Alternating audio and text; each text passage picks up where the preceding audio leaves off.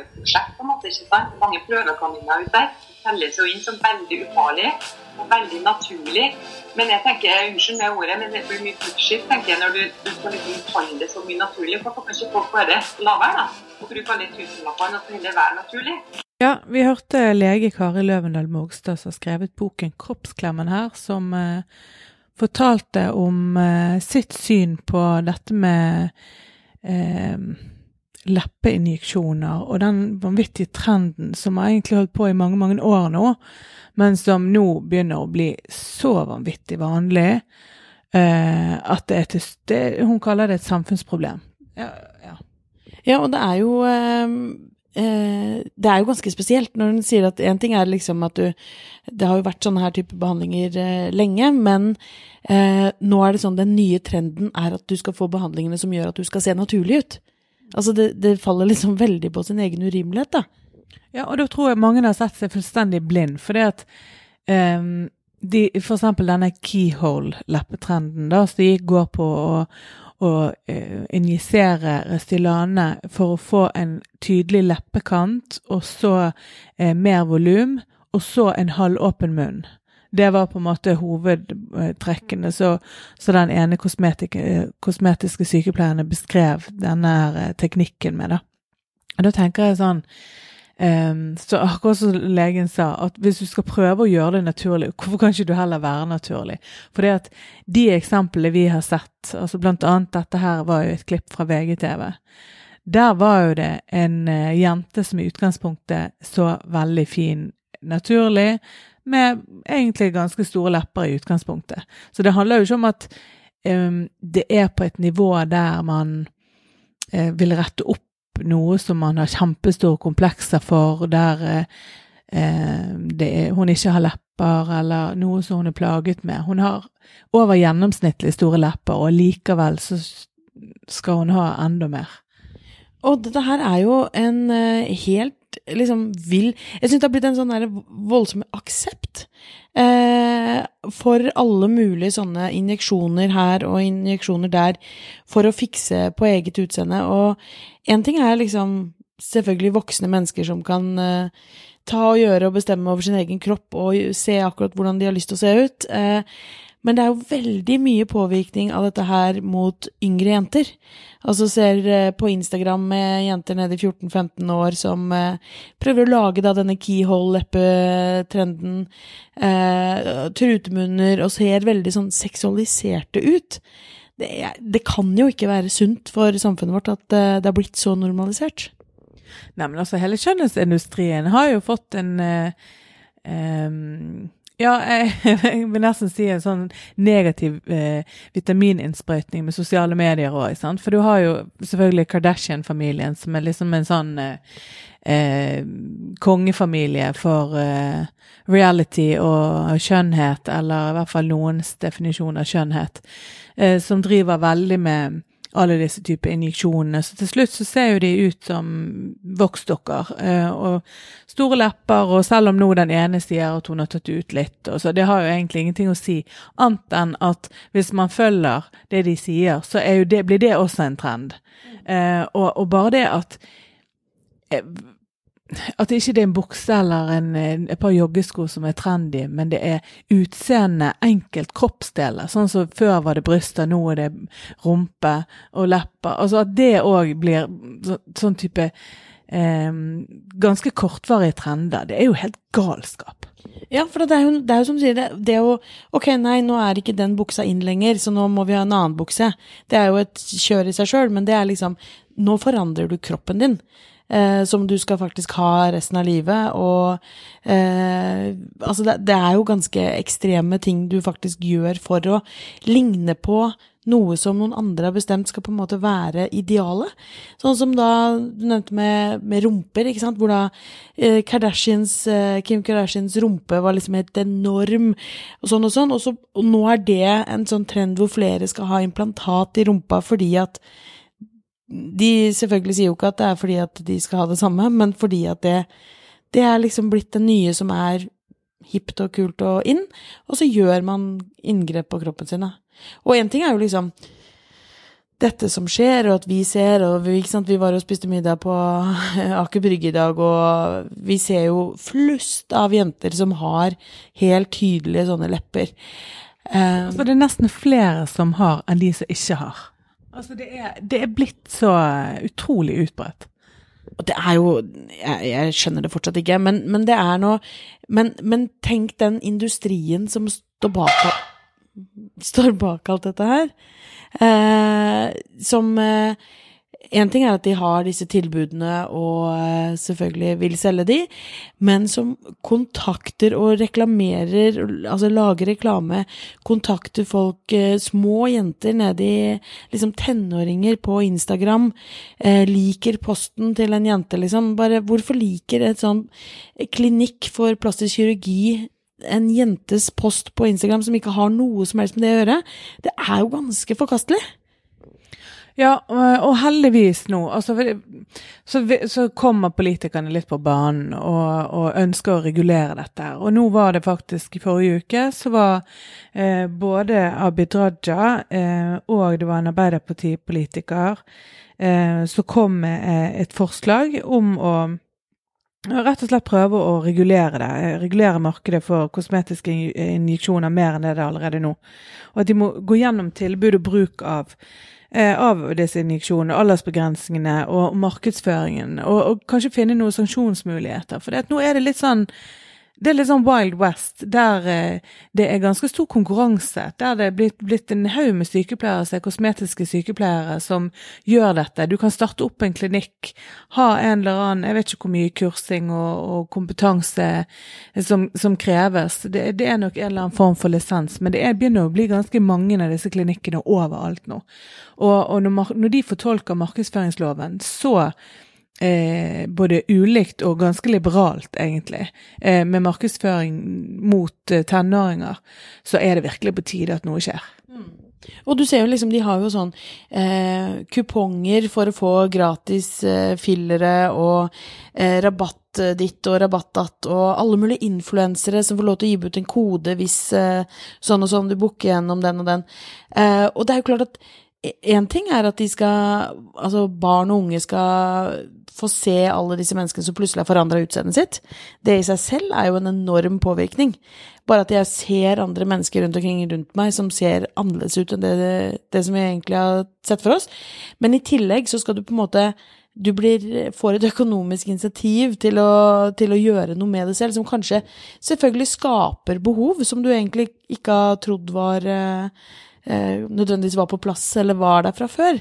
Eh, og det er jo eh, Ja, Kristin Kjelsvik var jo også intervjua på, på eh, VGTV og er jo ekstremt mot alt dette her. Og, og syns jo det er liksom det, det, det er jeg kan ikke skjønne at det kan være lov i markedsføringsloven å rette reklame mot uh, så unge, men det gjøres jo allikevel. Ja, men uh, så så jeg at uh, det var et intervju med Bjørn E. Rosenberg, som var leder i Norsk forening for estetisk plastkirurgi. Så han også reagerte jo veldig på uh, at det var reklamert fill, om fillers, sånn som det er blitt gjort i en del tilfeller. Blant annet så så jeg en, en reklame som var rettet mot russ. Er du russ i år? Eh, og da, var det ekstra gode priser på leppeinjeksjoner. Um, og, og det, det, sier jo han her Rosenberg, at det bør ikke gis mulighet i det hele tatt til å rabattere medisinsk behandling i det hele tatt. Eh, og at det rett og slett bare bør Ja, de, de bør, bør gå inn og å regulere. Men det er jo veldig typisk òg at du ser at lovgivningen henger jo langt etter um, når det kommer nye markedstilbud, og når det er en god del sånne ting som brer, brer om seg, sånn som kosmetisk kirurgi og injeksjoner har gjort nå. Det tar så lang tid før man fremmer et forslag, til det kommer et vedtak, og det til det blir effektuert, og ikke minst til det blir eh, ja, at det blir satt i, satt i, i, sving, og spesielt når det, det, er sanksjoner som er ganske nødvendig at uh, kommer på plass for at det i det hele tatt skal være noen som gidder å følge disse regelverkene. Ja, og én ting er liksom regelverkene, som du sier, det tar lang tid. og Nå er det jo heldigvis fremma et forslag. Men jeg, jeg, lurer liksom bare på hvor blir det av den derre integriteten eller etiske ansvar, moralske ansvaret, eh, som vi bør ha som mennesker eh, og oss mennesker imellom? Altså hvordan kan en bedrift, enten om det er en plastisk kirurgiklinikk, eller om det er noen andre i den gata som selger eh, sånn tannbleking, eller som selger det ene og det andre, liksom, som, og bruker Jo, vi henvender oss kanskje til en jente på 14 år som har 50 eh, 5000 følgere på Instagram og gir henne en rabattkode, eller vil eh, liksom eh, eh at hun Det var jo en sånn Eller ikke kampanje, men det var noe eh, sånn sexy undertøysleverandør som, eh, som, lurte på om liksom Hva syns folk om hvis vi bruker influensere som er For vi får henvendelser fra influensere som er liksom 12-13-14 år gamle. Eh, hva tenker folk om det? Og jeg bare Men det, da må jo bedriftene ta ansvar selv og skjønne at ok, der må vi faktisk sette grensen. Vi kan ikke ha 13-14-åringer som viser sexy undertøy fordi vi tror at ja, men det selger mer av våre produkter. Ja, og så tenker jeg det at istedenfor at hver enkelt virksomhet eller eh, hva det nå er, eh, tenker at ja, ja, men det er sånn samfunnet er blitt. Det har gått så langt, og, og, hva jeg gjør spiller ingen rolle. Men jeg tror nettopp det at hver eneste virksomhet må tenke gjennom sitt forhold til bruk av modeller, sitt forhold til måten å markedsføre på. Eh, Castingbyrået eh, i TV-bransjen bør tenke på hvem de setter i, i altså inn i disse programmene. For hvis du, du snur deg overalt, i både i sosiale medier Nå er jo mange av influenserne det er jo disse reality-folkene, mm. som igjen eh, man følger på eh, fortrinnsvis eh, streaming i de ulike TV-appene, da. sant? Og der har du jo alle disse her Paradise Hotel og vet ikke hva, alle de der nye Eh, og der er jo, eh, så vidt jeg kan bedømme, basert på alle disse oppslagene, så, så vil jo jeg tro det at det er noe langt over halvparten som har et eller annet et eller annet sted i kroppen. Og når til slutt du som 15-åring, for eksempel, du våkner opp om morgenen, og det første du ser på sosiale medier, det er eh, Restylane og silikonbryster og silikoninnlegg i rumper og eh, alle Altså, det er det falske eller påsatte både vipper og hår og negler og hvite tenner. Altså alt er fra, liksom fra topp til tå. sant? Og så går du gjennom hele dagen, og så er omgivelsene dine i stor grad veldig diktert av det samme skjønnhetsidealet. Det er jo ikke rart at man blir påvirket, og det gjør jo til og med vi som er voksne. Ja, for vi er, jo, vi er jo, absolutt ikke jenter på 15 år. Eh, over 40 er vi begge to. og er, jeg, jeg, er nok ikke noe sånn som uh, har et voldsomt uh, skjønnhets... Uh, hva heter det? Sånn opplegg hver morgen og hver kveld og for ditt regime, var det. Nei, jeg har nok ikke det. Men jeg ser jo liksom eh, Det er jo ikke bare unge influensere som holder på med det her. Altså, jeg syns egentlig det har eh, bredt ut seg også for eh, eldre segment. Altså eh, damer som jeg syns er dritkule, som er Som jeg syns virker å ha gode i verdier og holdninger og alt mulig.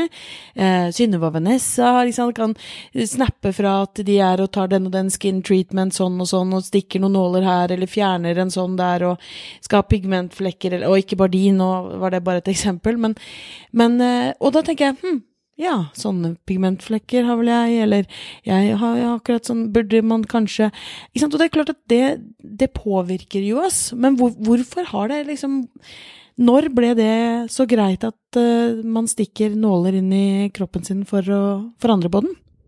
Nei, men Det er det som er grådig vanskelig. For hvor går grensen, og hvem bestemmer hvor den går? For det at, eh, for eksempel det med å bleke tenner, eller det med vippe-extensions, eller altså Det er jo mange av disse her eh, som ikke er verken injeksjoner, eller som i utgangspunktet skader noen eller noe, men allikevel så man gjør. Og det er jo veldig mange som setter grensen ved at man vil vedlikeholde noe, eller man vil sette noe tilbake til opprinnelig stand, eller hva man kan kalle det. Det er jo det er vel egentlig ganske umulig.